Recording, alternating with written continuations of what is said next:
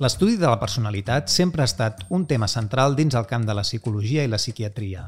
Els intents per classificar i entendre la personalitat dels individus han portat a crear tota mena de tipologies i classificacions. Carl Jung va crear la que segurament ha estat la tipologia més influent, que classificava les persones en vuit possibles tipus. Però la classificació de Jung no és l'única que existeix. Una altra proposta que darrerament compta amb un gran ressò dins del sector visual és l'eneagrama de la personalitat.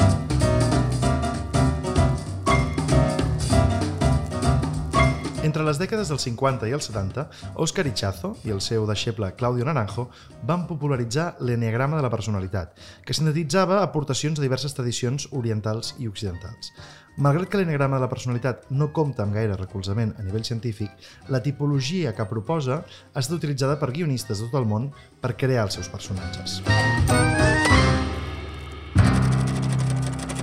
La trama Converses de guionistes amb Víctor Sala i Pau Subirós.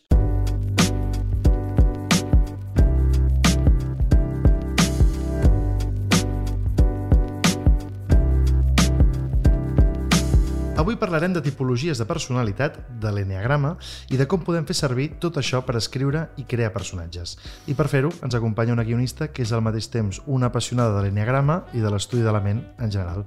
Marta Grau, com estàs? Hola, què tal, com esteu? Molt bé. Uh, Pau, presenta'ns una mica la, la Marta. Molt bé. Mira, la Marta és guionista, és professora de guió, també és novel·lista una mica tot. Una mica tot. Tot el que sigui escriure personatges. Molt bé. De fet, has escrit minissèries, no? com Tornarem o, o la sèrie Les de l'Hockey, novel·les, com dèiem, Una casa on tornar o Surt el sol i encara plou. I a banda d'això també has escrit un llibre que ens va cridar molt l'atenció, que es diu La neurociència aplicada a l'art d'escriure guions, que, si no m'equivoco, és una reelaboració de la teva tesi doctoral. Efectivament, sí. Correcte i bueno, que, que clarament doncs, ja comença a vincular no, aquest interès teu tant pels guions com per la psicologia. No? I, I justament per això t'hem convidat, no? perquè justament avui el que volíem era parlar de l'escriptura de guions una mica mm, posant-la en relació en aquesta, no sé si dir-li teoria psicològica o com li hauríem de dir, això de l'eneagrama. Sí, sí, és un model psicològic de la personalitat. Mm -hmm i un model que, que sembla que últimament doncs, eh, està una mica present no? entre la gent que, que escriu guions i treballa en el sector visual. No sé si mm, tu creus que aquí és una cosa bastant extesa per la teva experiència. Per la meva experiència, de, mm, podríem dir que fa 10 anys potser que vaig començar a estudiar enneagrama o a interessar-me i no en sentia parlar tant, no? semblava una cosa molt espiritual, no? que es feia allò en llocs uh, amagats uh, de, de terapèutics, i de sobte s'ha començat a extendre no? al, al món professional com, a, com el guió. O sigui, de fet, mi em va començar a interessar, per escriure personatges. Després te n'adones no? que, que té aplicació psicològica. I avui dia cada cop escolto més no, des d'escoles d'actors on parlen no, de, de l'ús de l'eneagrama i tots els actors treballen els personatges des de l'eneagrama i fins i tot m'ha fet gràcia no, en alguna conferència, etc que et surt algun guionista eh, parlant i de sobte cita no, algun, algun dels eneagrames. Mm -hmm. Això, tu creus que aquí, a Catalunya, a Espanya en general, eh, diguéssim, en comparació a altres països té una presència major, menor? No sé si has vist si, per exemple, la indústria dels Estats Units o així té més... Tinc, tinc la sensació que als Estats Units està més extès i òbviament a Sud-amèrica crec que també està molt extès. A Estats Units, per exemple, es diu que l'Alan Ball, American Beauty, el va crear a partir de, no, de l'Enneagrama i tinc la sensació, això ja no ho tinc corroborat, però Six Feet Under o les altres sèries que ha fet també, o sigui, clar, crea mm, allò, famílies amb molts diversos tipus de personalitat que s'entrecreuen entre si. Amb la qual cosa tens la sensació que realment ho ha treballat molt des d'aquí i que molts dels grans guionistes que escriuen no, les famoses character driven stories treballen amb Enneagrama, mm. segurament. I què li passa llavors a l'Alan Ball si hi ha nou tipologies de personatge quan n'ha de crear 12? què li passa llavors? N'ha de, de repetir fórmula? Sí, aquí hi ha, hi ha un misteri que tant hi ha 27, és a dir, és uh. 9 per 3, 27, o sigui, hi ha subtipus dins de cada... I, una i deies, cosa molt profunda. I deies això de que els actors ho segueixen més? Això que és que hi ha més escoles, diguéssim, d'interpretació interpretació que realment utilitzen això com un mètode d'aprenentatge de treballar psicologia? O sigui, hi ha escoles d'interpretació que això, que ho utilitzen directament? Sí, jo, jo tinc la sensació que des de la, diguem, la interpretació, òbviament, sempre s'ha viscut molt des d'entrar a la psicologia del personatge. Per tant, entren molt a com és el personatge, qui és, no? a parlar molt de psicologia, potser fins i tot més que els guionistes, segons com. No? He sentit a parlar amb més actors que pregunten més coses no? sobre el món profund del personatge, perquè si no els hi costa molt interpretar-lo, que no a vegades segons quins guionistes, que s'interessen segons com potser més per la trama, no? quan és més una trama d'argument, etc. Aleshores, crec que les escoles de, realment d'interpretació han trobat una gran eina, perquè és una gran eina per no anar-te'n allò mons freudians, no? és una gran eina que et sintetitza molt ràpid aplicar-ho. Mm -hmm. Doncs a veure, anem a intentar uh, explicar una mica aquesta gran eina perquè jo crec que, que molta gent, pues, uh, jo mateix fa relativament poc mm. temps no havia sentit mai a parlar de l'eneagrama. De fet, uh, em va començar a interessar perquè justament en contacte amb alguns actors em vaig adonar que era un llenguatge que feien servir i que com a guionista doncs, podia ser una eina útil per mi. No? I per això volíem fer aquest programa i el que intentarem fer en els pròxims minuts eh, és intentar fer una explicació una mica mm, breu, necessàriament, però, però que sí que sigui estimulant. Hi ha llibres de 800 pàgines, Hi ha llibres de 800 pàgines. Que qui vulgui els pot trobar sense problema. I webs, hi ha mil webs. Hi ha vull dir, és, quan, webs. quan entres és un món fascinant. I grans sí. debats a, a la web sobre, I molta, no, i aquest moltes... personatge és tal, no, és qual. Sí, perquè moltes d'elles estan justament orientades a guionistes, eh? Molt bé. Doncs a veure, per començar una mica pel principi, explica'ns una mica eh, què és això de l'eneagrama, o sigui, d'on parteix, eh, en què consisteix, quines són les coses principals que hem de saber per situar-nos una mica de què estem parlant quan parlem de l'eneagrama de personalitat. A veure, per, per ser molt breus i sintètics, eh, perquè té una història com molt profunda, l'eneagrama és això, és un model de, diguem, de catalogació de la personalitat, no? que a segons qui li xoca, perquè diu, ostres, jo no em vull emmarcar dins, no? dins d'un nou tipus, no? que, que l'arrel, com, com es diu, té una arrel esotèrica, per això també ha estat sempre una mica com amagat, no? perquè el símbol, no sé si l'heu vist, és una estrella de nou puntes no tancada, eh, ja prové com de, bueno, es diu Capitàgores, ja el feia servir, havia sortit en, en alguns dels seus uh, escrits, i després uh, dels sufís, sobretot ho relacionant amb els sufís. Doncs és a través d'un bueno, místic, que és Gurdjieff, als anys 20, que el, diguem, el que és el símbol el, el dissemina per, a l'època d'entreguerres per a Europa i després Ichazo, un altre científic i diguem, estudiós espiritu, eh, espiritual, és qui creua amb els models psicològics de la personalitat aquest, el símbol. I ho aplica als nou pecats capitals, bueno, els set pecats capitals, Ui. que n'afegeix dos més, no? que són la vanitat i la covardia o la por.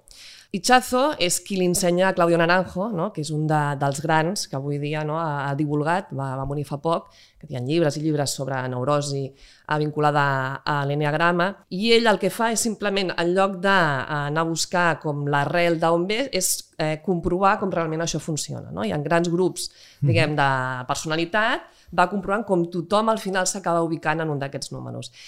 Què passa amb, el, amb aquests números? Bàsicament és la personalitat que tu adquireixes quan ets petit, no? davant, davant la vida, davant els teus pares, com que ets un ser indefens, eh, et poses unes ulleres, de, que és com les ulleres a, a tres de les quals entendràs el món, no? perquè has patit unes vivències que t'ensenyen a dir, ah, val, si faig això, el món serà segur. Llavors, per exemple, no? un cas extrem, el número 8, són nens que potser han estat en petit abusos, maltractament, etc. entenen que la vulnerabilitat, no? la tendresa és dolenta perquè els han matxacat molt de petits, per tant es posen les ulleres de jo haig de ser dur, haig de ser no, el, el més fort de tots, no em puc mostrar dèbil en cap moment. Mm -hmm.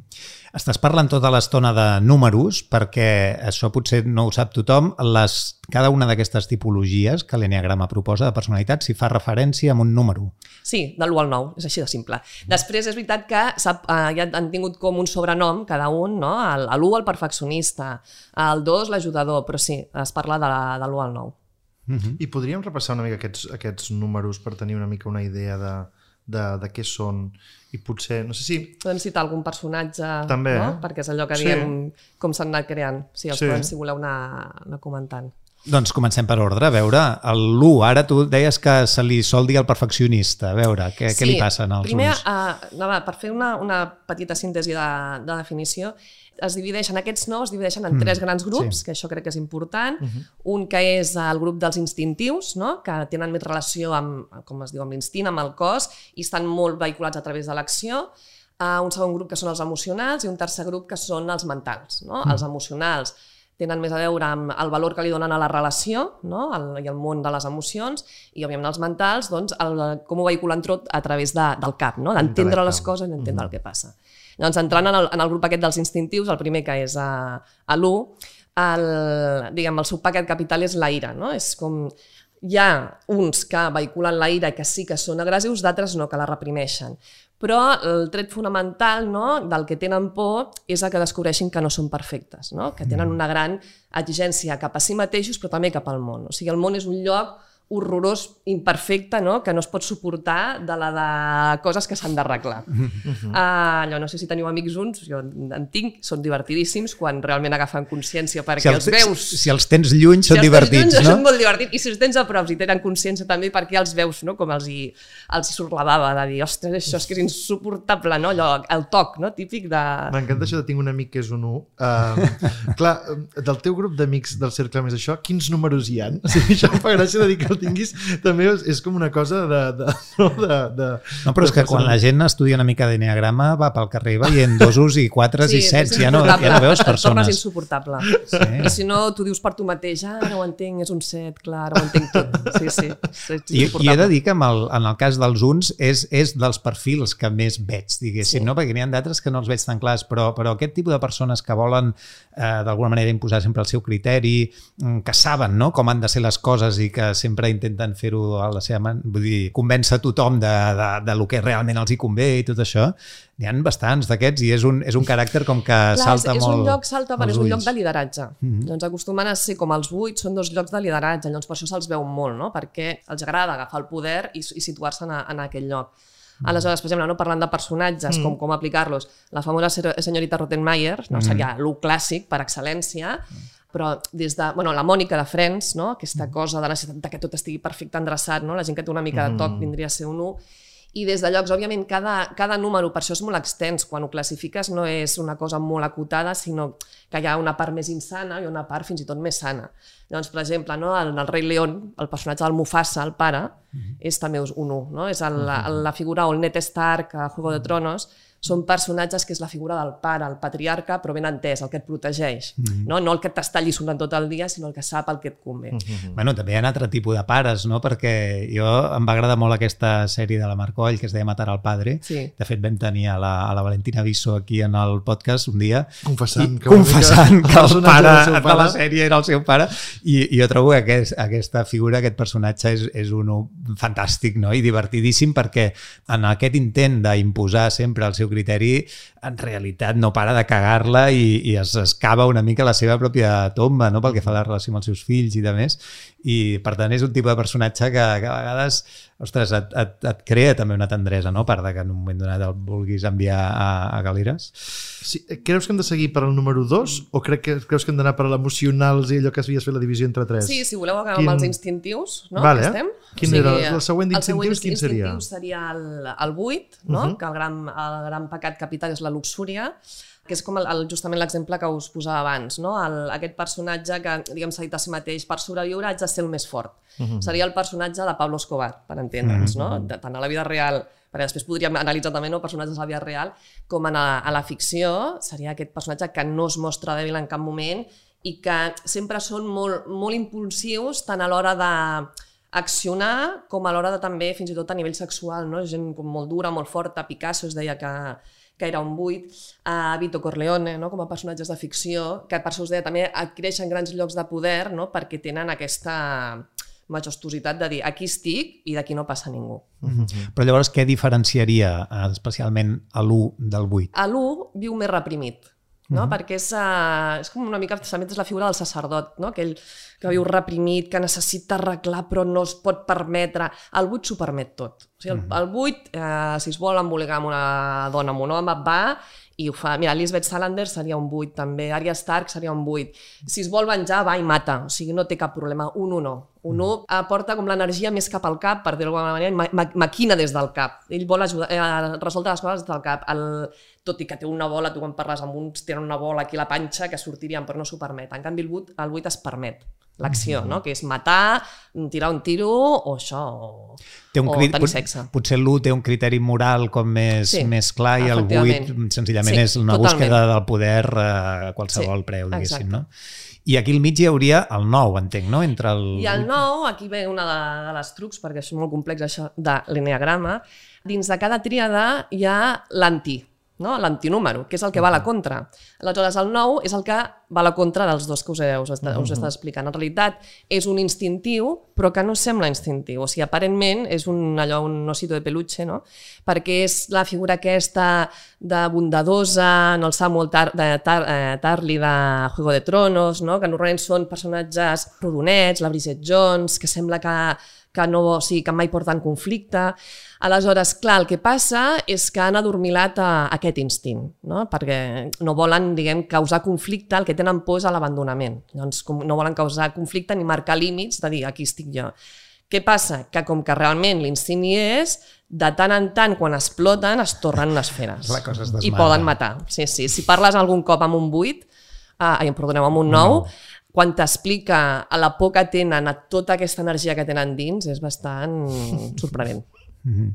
Jo recordo de totes maneres que sí que es parlava molt, no? en, el, en, en general, en el curs que vam mm. compartir tu i jo d'aquest tema, que, que els nous solien ser gent que s'acomodaven a l'entorn social en el que es Exacte. trobava, no? que eren com funcionals en el sistema i que en aquest sentit, eh, de fet, és una de les tipologies que més trobem a la vida real, diguéssim, no? de gent que d'alguna manera s'acomoda dintre les normes, el que passa és que, com bé dius, sempre hi ha Clar, una cosa adormen, allà... adormen la pulsió, mm -hmm. és a dir, tots tenim una pulsió, si, si me'l fieu-vos, no d'algú que et diu no, a mi tot em va bé, tothom té una voluntat, una pulsió. El que passa que els nous tenen tanta por de, de fer-la sortir que clar, aleshores l'amaguen, l'amaguen, l'amaguen fins que allò és un olla express i, i explota. No? Dia, el dia que menys t'ho esperes, bueno, allò pot ser de cop la matança de Texas. Molt bé, doncs passem ara sí de casa en aquesta, a la tríada de, dels, dels, dels emocionals, vinga, que entenc que començarien pel 2. Començarien pel 2, sí. Uh -huh. El 2, eh, d'alguna manera, no? si, dèiem que l'1 era aquesta figura clitxé o arquetípica del gran pare, el 2 és la figura arquetípica de la mare. No? És o de la mare o de la fem fatal, segons com, no? de, segons la veiéssim. Ells i elles viuen per uh, ser estimats i per estimar. Doncs l'emoció sempre està a flor, de, pell. Hi ha una, una necessitat no? de sentir, de donar, d'expressar. I el que tenen molta por és a perdre aquest vincle, però no ho volen admetre. Llavors, és una mica la frase aquella de ara posaré la calefacció perquè tu no tinguis fred, no? que sembla que ho estan fent per tu, però en realitat ho fan per ells i d'alguna manera tenen uh, una cosa molt manipuladora, no? que això arquetípicament, arquetípicament s'ha convertit no, en la fem fatal, o també podrien ser no, les grans mares, o mm. siguin les mares bondadoses, no, que ho donen tot pels seus fills, ah, que, que verdera mi valle, com a la Cersei Lannister no, clàssica de Juego de Tronos, que, bueno, que és capaç de matar i fer el que sigui pels seus fills. Mm. Pels seus mares... fills i per les seves parelles, eh? també tenen allò una vinculació molt forta amb les parelles. No, no, és que ara mentre deies això m'ha vingut al cap aquest personatge. Jo he començat a veure White Lotus per la teva mm. influència i llavors... Què tal? La... T'està agradant? Bueno, no sé si és el que més m'agrada, però bueno, sí, em funciona, em funciona. Jo crec que tots i... són odiosos. No sé si són un o nou, odiosos. però realment tots et cauen malament i crec I que és part de la gràcia. La mare del, del jove sí. milionari que està allà amb la seva dona crec que m'encaixaria bastant, no? Amb aquest perfil que estaves descrivint i d'aquí passaríem al 3, que té un caràcter més acomodatíssim. El... No, sí, no. sí, sí, acomodatíssim. Val. Això és el, continuem amb emocionals, no? Comencem amb els emocionals. Sí. El 3 dins de la tríada dels emocionals seria l'anti. O sigui, abans dèiem el 9, el 3 és l'anti dels emocionals. Què passa? Que és emocional però no ho vol demostrar. Aleshores, d'alguna manera eh, reprimeix les emocions, tot i que en realitat sent molt, no? I, i, i i voldria expressar-ho, però el que ell el guia i el que necessita és ser vist, i sobretot és l'èxit a qualsevol preu.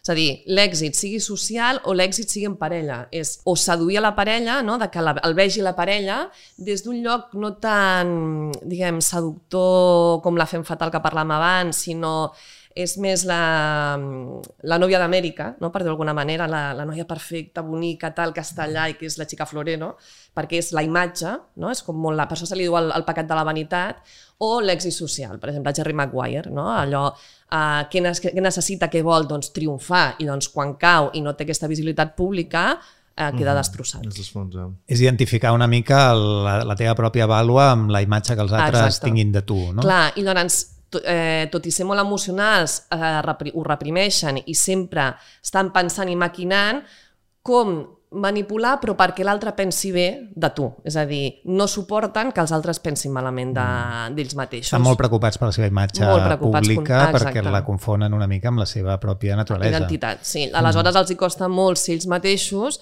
perquè, clar, es vincula molt el que creuen que han de ser amb el que realment senten. I allà, o sigui, hi ha uns cops interns que no, no ho poden aguantar. També seria un perfil eh, omnipresent, diguéssim, no? La nostra Aquest és un, un perfil bastant omnipresent. De fet, es diu que als Estats Units és, és 3, no? per Com a país, no? Ja directament. Com a això, sí, sí. Uh, I que, clar, perquè al final el que es valora és l'èxit, es valora la imatge, i avui dia, realment, pensava, no? cada cop és, tot és més tres, fins i tot no només als Estats Units, no? aquí a l'Instagram, etc només valorem la Això imatge. encara ho, ho magnifiquen més, no? Mm, exacte. I en Molt canvi, si anéssim al 4, Anem al 4, que seria l'últim d'aquesta tríada dels emocionals, no? vindria a ser que gairebé tot el contrari que el 3, de que està orgullós de les seves emocions, té un món emocional intens, propi, i que li encanta, no? perquè el fa sentir únic i diferent al món, i això, d'alguna manera, l'aparta del món. I, I ho viu des d'un lloc com per sota, no? de sentir-se diferent, de que allà no el veuen, de que és el, no? el patito feo, el famós patito feo, i, que, i que no pot ser estimat. No? Però en realitat li agrada aquesta mena de sofriment i allò, com es diu en castellà, se regocija no? en aquest sentit. És una mica masoquista, el Sí, 4, sí, sí, eh? molt, molt, molt. Perquè, de fet, els quatre també són molt divertits, ja quan, quan, quan els enganxes i quan s'enganxen ells mateixos, perquè, tot i que ho tinguin tot, sempre et diran, ja, però tu tens més, no? És, és, ho poden tenir tot, però llavors es fixaran que tu tens una arracada de color, de color verd i diran, però tu tens l'arracada de color verd. Mm. O sigui, sempre és anar a buscar, per això el seu pecat capital és l'enveja, i és anar a buscar què és el que tu tens que ells no tenen, no? Tenen una mirada com fins i tot com molt um, assedegada, que et miren tot el dia buscant-te no? per, per comparar-se i sentir que ells, bueno, ells són diferents i mai seran com tu, d'alguna manera. Llavors, com a personatges, no? podríem dir, per exemple, que estem en Juego de Tronos, la Lisa Arryn, uh, Eduardo Manos Tijeras, per exemple, mm -hmm. seria un gran quatre, aquell personatge, no? allò uh, marginal, uh, no? um, tancat, però molt emocional, a diferència dels cinc, no? que, que ara veurem, i la famosa Meredith d'Anatomia de Grey, que és un personatge que personalment no suporto, però perquè sempre és molt quatre i sempre està com molt dramàtica i sempre té problemes i tal, i sembla que mai no estic contenta, no? Sempre està com molt, molt cap a dins. És una mica... El... Jo, jo va- vaig quedar una mica amb la idea de que era el perfil de la imatge tòpica de l'artista una mica maleït, Sí. no? que, que, que d'alguna manera eh, està eh, se sent ell diferent, li agrada sentir-se diferent, el que passa és que justament aquesta diferència pues, el margina i el, i el fa ser un ésser una miqueta Exacte. al marge, no? No Sí, l'artista romàntic per excel·lència del segle XIX, no? doncs seria, seria aquest, aquest arquetip, que ara no està tan de moda, per dir d'alguna d'alguna manera. Tendim més el 3 que el 4, no? Exacte. Diguéssim, en general. Molt bé. Bueno, llavors ara el, el que ens quedarien són els tres del grup dels mentals, no? Els que, els que Sí. pensen. Els que pensen i que també són molt divertits perquè senten però els fa molta por sentir. Aleshores, ho porten tot al cap, no? I ho han d'entendre tot, ho han d'entendre tot. I a vegades la vida no s'entén pel cap, no? La vida se sent i ja està. I, Els guionistes i no, no, podrien encaixar bastant, no? Diguéssim, a, en aquesta franja o què? depèn. Hi ha guionistes que són molt mentals i que alguns que m'he trobat, eh, jo que estic més de, dins dels emocionals, clar, de cop et diuen clar, però com ho escrius això? Dic, bueno, no sé, sento el que sent el personatge. Però com? Com sents el que sent Això el pot fer? personatge? Això es pot fer? No, perquè, clar, intenten entendre des del cap, no, no sentir-lo. No? Llavors és una aproximació diferent al personatge, però, per exemple, són, els mentals són grans guionistes de trama, perquè tenen una rapidesa mental, per exemple, que els emocionals no tenim. O sigui, aquí cadascú no, està molt bé fer equips de guió, justament on es, es conjuguin a diferents maneres de fer i de sentir, òbviament, i de, de crear. Aleshores, dins dels mentals trobaríem el 5, no? que és el mental per excel·lència, eh, que aquest és el que té por a sentir di directament. És a dir, està, es, ha tancat no? el que és el món emocional, només, només funciona a través d'entendre-ho tot. Per tant, tu li dius, ell vol aprendre classes de ball i el que farà és comprar-se 30 llibres per aprendre a ballar. No? O sigui, no, no, És una gran estratègia. és una gran estratègia. o vol aprendre, no? vol saber seduir, una mica el personatge de Sheldon Cooper, no? Vol aprendre què és estimar o vol, o vol seduir i en lloc d'apropar-se a la noia es compra els 30 llibres per entendre no? el manual del gran seductor. Seria el guionista que es compra 30 manuals de guió, potser. Abans d'escriure res. Exacte, sí, sí, és, un, és, és molt graciós perquè, clar, sempre intenten acaparar, no? per això es, el gran pecat és l'avarícia, acaparar, acaparar, acaparar, però acaparar saber, d'alguna manera, mm -hmm. perquè no se senten suficients i que no tenen eines, no? si no saben prou sobre algun dels temes de, que han de dominar. I això els fa personatges fonamentalment tristos en general o no, o no té per què? No, no té per què. És, és el personatge també una mica del savi boig, no? De, mm. Són personatges que van potser molt a la seva, molt independents, uh, viuen molt aïllats del món, els hi costa molt relacionar-se, per exemple, no el Doc de Regreso al Futuro, personatges allò que estan a, en el seu món, però que amb el cap sempre no? a 3.000 per hora i, i que el que a ells els agrada és crear, però des d'un lloc molt intel·lectual. Mm -hmm. Molt bé. Ja passaríem al 6, no? El 6, uh, d'alguna manera, és el, el, un, tipus de personalitat que es diu més pessimista, no? perquè el que té és por del món. O sigui, el gran pecat és la covardia, no? que està associada a la por, i llavors veu el món com un lloc inhòspit, uh, no confiable, que ha de dominar a través del cap. Aleshores, com es domina a través del cap? Doncs projectant les mil coses que et poden passar quan surtis al carrer. No? Llavors, si tu estàs amb un 6 a, a la platja i dius, ostres, potser perdrem el tren, potser ell ja ha perdut el tren, ja no ha arribat a treballar, eh, la seva dona l'ha deixat, s'ha quedat sense la filla, sense la custòdia i tot perquè has vist que potser mm, feu 10 minuts tard no, per agafar el tren. O sigui, és una projecció horrorosa de tot el que pot anar malament. Una mica tremendista i hipocondríac, també, sí, no? Sí, exacte. Bueno, és la figura de Woody Allen en totes mm. les seves pel·lícules, seria el, el 6 per excel·lència.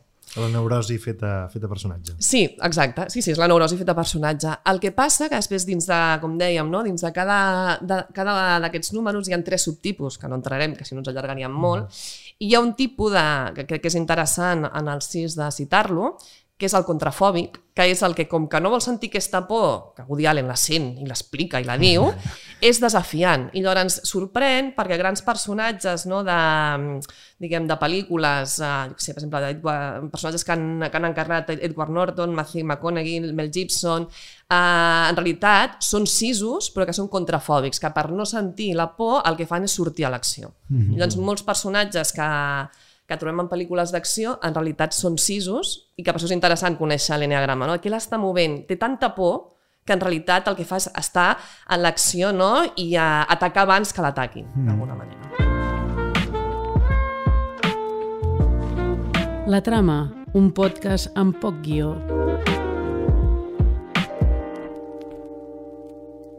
I només ens quedaria el set, que seria aquest personatge, si no tinc jo mal entès, que va amb una búsqueda incessant de plaers i fugint una mica de qualsevol tipus de patiment. Exacte. És a dir, si el, el 5 tenia por a sentir qualsevol cosa, el 7 el que té por és a, a sentir el patiment i per tant el que vol és només les coses bones, plaents de la vida, és epicuri el 100%, i per això l'únic que fa és projectar-se mons il·lusoris, fantasies, eh, projectar futur que tot anirà bé, i, i a vegades viuen en un món una mica paral·lel, no? sense prendre consciència que a la vida també hi ha moments dolents i que s'ha de sentir, passar i seguir. No? Llavors el que fan és evitar tota l'estona aquests moments. Llavors, són personatges que també no, la, el cinema i la literatura ens han donat grans personatges en aquest sentit perquè són molt divertits, són molt ràpids, molt, molt àgils mentalment.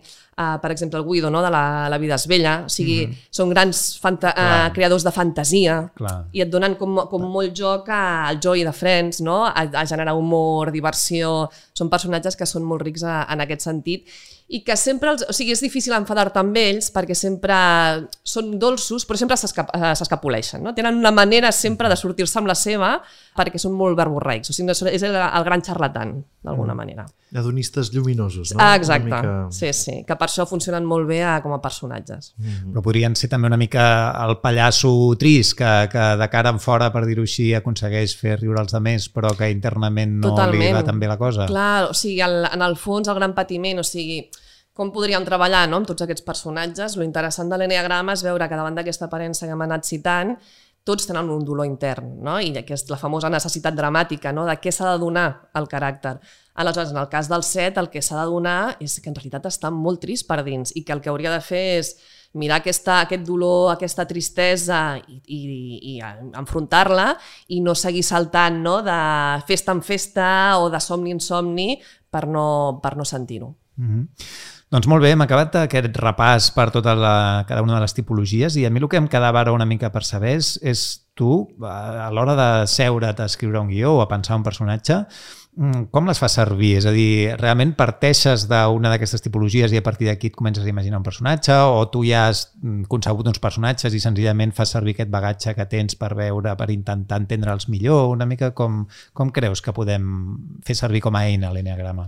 A mi em serveix més per entendre'ls, és a dir, com passa la vida real, no? que estudiar enagrama serveix per entendre de tu i per entendre la gent que t'envolta, no? que dèiem, és com, com molt màgic perquè de sobte comences a entendre no? com funciona la text per ell, el teu pare, la teva mare, i dius, ah, ara ho entenc tot, no? ara no porta les mateixes ulleres que jo.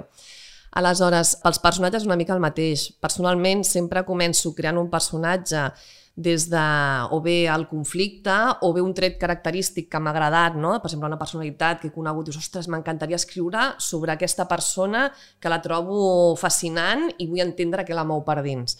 Aleshores, tu comences a crear no? la famosa bíblia de personatge i després és una eina que a mi em serveix per aplicar-la per dir, va, ara vull anar una mica més en profunditat vaig a baixar un pis més no, del personatge, un cop ja, ja el tens creat, dius, anem a veure per sota què és el que l'està movent, perquè això m'ajudarà a entendre'l eh, en cada una de les escenes que, diguem, que ell haurà, actua, mm, que ell haurà d'actuar i de moure dins la història.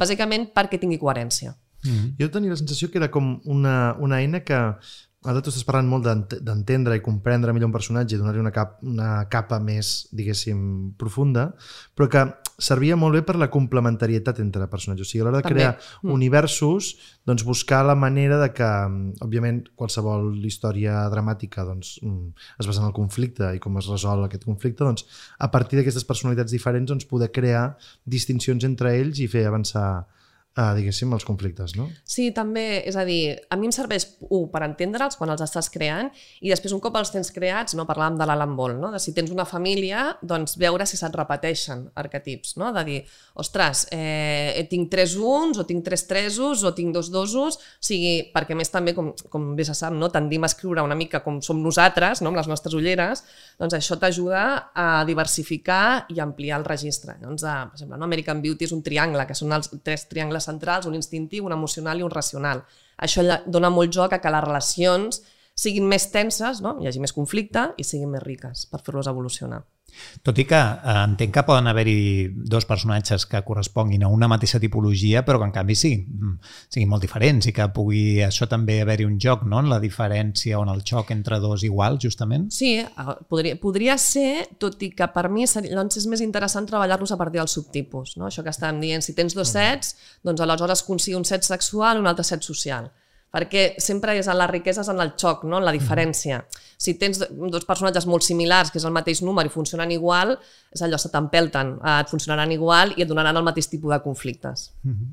I ja no hi ha més cosa cap avall? O sigui, estem parlant de 8, 9 tipus, que cadascun té 3 tip, subtipus. No, no, encara hi ha més cosa. O n'hi ha més? No, de, aleshores, a més a més, es mouen els, uh, els números. O sigui, dins d'aquesta estrella, per exemple, l'1 en, a, diguem, el que li convé i cap a on se'n va per sanar, que es diu, hauria d'anar cap al 7. Doncs adquireix característiques de 7 i de cop es torna un adonista. No? Quan surt de la seva carcassa aquesta rígida moral, el dia que es veu quatre cerveses, de cop es torna el rei de la festa. Hi hi ha un punt de, de no sé, d'horòscop, no? Una mica, no, no recordo un punt un, de, sí, sí, sí. de les llunes i el... Sí, no? sí, té un punt d'horòscop. D'anar cap aquí, cap allà, que a mi una cosa que em passava, no sé si, si, el, si a vosaltres també, és que em veig una mica mm, reflectit una mica en, en cada una d'algunes coses i a vegades dic, no, saps allò, tens un punt de, de que t'acabes sentint una mica, una mica de tots. És el primer pas. És que de fet tots tenim de tots. No? Quan, quan estudies enneagrama el primer que et diuen és tots tenim de tots, el que passa que és com que tu t'has acomodat en un cantó no? d'aquesta esfera però òbviament eh, ets una cosa completa, no, no ets eh, només una, canto, una cantonera. Però sí que és veritat que pesa molt aquella cantonera perquè és com la manera com tu has entès com, com, com funcionava el món. Doncs costa molt això, no? la gent et diu home, però pots canviar d'eneatip? No, o sigui, pots ampliar-lo, pots uh, dulcificar-lo, pots moure't, no? Per exemple, un us mou cap al 7, un us es mou cap, a, uh, cap al 4, però no deixarà de ser un 1. O sigui, mm, sempre l'essència l'essència del, del caràcter, eh? no l'essència del que és per dins, acaba sent el número 1, mm. eh, on tu t'has ubicat. Ara bé, al principi sempre és una... I això, de, de fet, hi ha grans eh, llocs, no? on, per exemple, el famós SAT, on el que es fa és indagar i trobar-te amb els teus mateixos, que quan et trobes és com trobar-te amb la teva família. De cop és com trobar-te còpies de gent que fa el mateix que tu. Això m'imagino ara una, una taula, de, una writer's room de guionistes on van diversificant-se a veure quin perfil és cadascun, no? Sí, sí, a vegades hi ha equips que ho veus, eh, que tots, eh, quan ho coneixes una mica, dius, ostres, tots som el mateix perfil. I a vegades va molt bé, eh? Per exemple, en un equip de, no sé, una oficina plena de tresos, és un lloc molt executiu, per tant, la feina surt molt ràpid.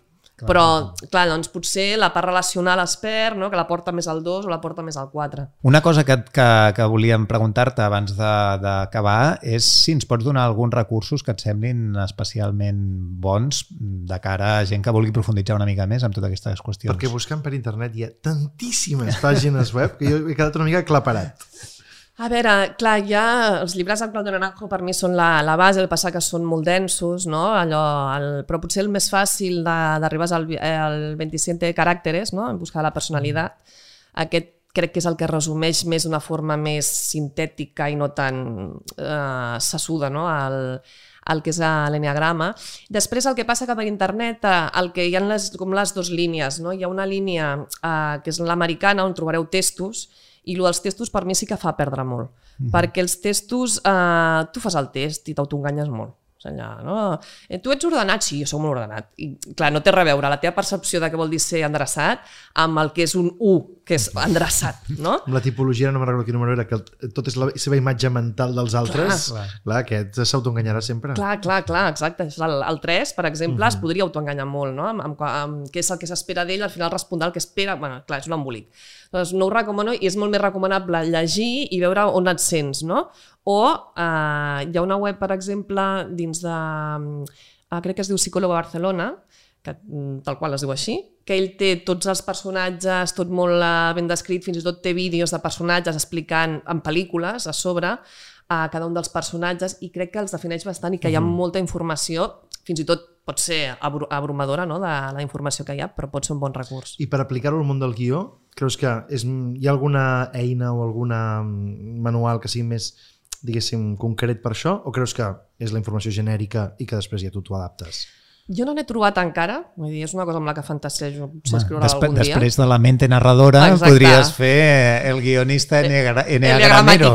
Enneagramàtico. Sí, sí, és una cosa amb la que fantasejo, de, de, de, perquè realment quan ho apliques exactament a guió eh, te n'adones, no? per el, el que es deia, què és la necessitat dramàtica? Ostres, és justament aquesta part inconscient del, no, del número que no desconeix de si mateix, com es podria concretar, què és l'art de transformació, no? aquest, aquest viatge cap a la llum que té cada número, o sigui que sí que hi ha un recorregut a nivell de guió. Però no he trobat encara, o sigui, sí que hi ha alguns recursos, sobretot americans, però que són molt sintètics, que no, tampoc no és que siguin molt profuns. Uh -huh. O sigui, abans amb, amb, Uh, me n'aniria a llibres de psicologia no? que tracten a Enneagrama que no tant a, a llibres que encara no he trobat de guió així en profunditat. Molt bé, doncs escolta, espero que no us haguem abassegat de massa informació avui, tot i que n'hi ha hagut molta però molt ben ordenada i t'agraeixo molt l'esforç que has fet de síntesis i de, i, bueno, i de claredat no? per, amb tot el que ens has explicat. Uh, res més, uh, jo crec que ho deixarem aquí avui. Sí. Uh, Donar-vos les gràcies als que tots els... Tu ja saps quin número ets o no? Bueno, és que això, això jo crec que, bueno, jo, jo, jo crec que no sap mai. Jo, jo estic una mica com tu, jo una mica de cada, no? Vaig picotejant ja, d'aquí d'allà. A mi em costaria, no sé, no sé quin... No, no jo, això li vaig, jo això recordo que li vaig preguntar en el, en el Joan Garriga, que va ser el professor amb el que vam fer un curs últimament d'aquest tema i, i, i bueno, jo vaig entrar de sobte en aquest tema que desconeixia i jo li vaig dir, escolta'm, i no li passa a alguna gent que després de un, un temps, uns anys, pensant-se que eren una tipologia de sobte mm, tenen pues, una canvia, tenen una revelació canvia, i dius sí que passa, sí que passa i és molt dramàtic, no? perquè clar, tu quan de sobte has assumit que ets pues, un d'aquestes sí, tipologies... És, és la cosa meravellosa que té, és a dir, al final és la base de la psicologia, és no creure que no creure tot tu mateix, mm. ets més que el teu caràcter. Per tant, descobrir que no ets només allò, dius, ah, val, doncs sóc una altra cosa, però la teva essència està intacta, no? I és la gràcia estudiar una mica sí. què és el caràcter. I d'altra banda, a mi em sembla que, que tot això que estàvem parlant avui, evidentment hi ha tot aquest component d'autoconeixement bueno, i de creixement personal en el que pots aplicar-ho, però, però des del punt de vista de guió, pròpiament, jo, jo penso que sí que et dona moltes eines i un vocabulari com molt ric, per dir-ho d'alguna manera, no? I Ets que, un 1, ets un 3, ets un 6. Sí, a més a mi m'agrada molt que, que la manera de referir-s'hi sigui tan neutral, diguéssim, no? perquè el fet de, de ser números fa que, bueno, que no és molt poc valoratiu. Semblen alineacions de futbol, no? Sí, sí, Allò- tu et poden Bueno, dir, hòstia, ets si un fem una 8, família tu no que sigui un t'ofendràs. 4-3-3 i un altre que... Tal qual. Sí, sí. Doncs fantàstic, Marta, moltes gràcies per il·lustrar-nos una mica amb, amb tot aquest concepte de l'anagrama i com aplicar-ho al món, de, al món del guió. Molt bé, doncs escolta, moltíssimes gràcies a, a tots també per escoltar-nos. Uh, ja sabeu que cada setmana anem penjant un nou capítol a, a totes les plataformes de podcast. Recordeu que ens interessa molt saber de vosaltres i que ens digueu també suggeriu temes, convidats, uh, ens doneu opinions sobre el bé o el malament que ho fem. I, i escolta'm, doncs res més, ens veiem la setmana que ve i fins llavors, bona escriptura. I bona reescriptura.